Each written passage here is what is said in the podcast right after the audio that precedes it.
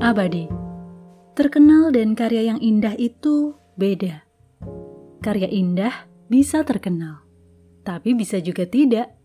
Tergantung selera pasar, strategi, dan siapa yang memasarkan juga.